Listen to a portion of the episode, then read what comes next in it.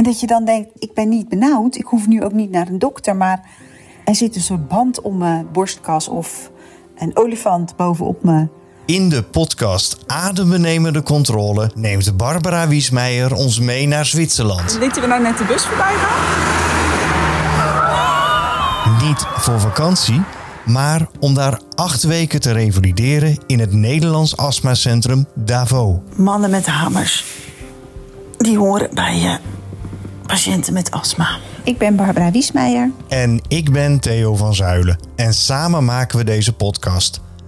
Barbara is astmapatiënt. Maar vanmiddag voelden mijn longen alsof van alle kanten ze werden ingedrukt. En in het najaar van 2022 laat ze haar werk, haar gezin en haar sociale leven achter in Nederland om de zuivere berglucht op te zoeken. En dan ga je gewoon je dingen doen.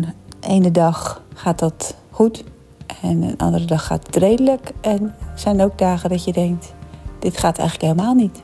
Oh ja, en Barbara houdt graag zelf de touwtjes in handen. Weten dat je controle kwijt gaat raken en toch proberen om de controle te behouden. Dat is iets waar ik mezelf wel op betrap. Acht weken lang stuurt Barbara mij audioberichtjes over haar wel en wee in Davos. Van de angst en haar onzekerheid. De angst om daadwerkelijk die controle dus ook uit handen te geven, maakt het misschien nog wel het meest spannend. Tot de succesmomenten en de lol met de andere revalidanten. Ja, nou dan nemen we nog maar een ventolinnetje.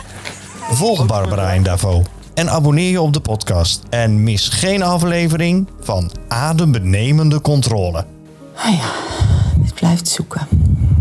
Waar doe ik goed aan?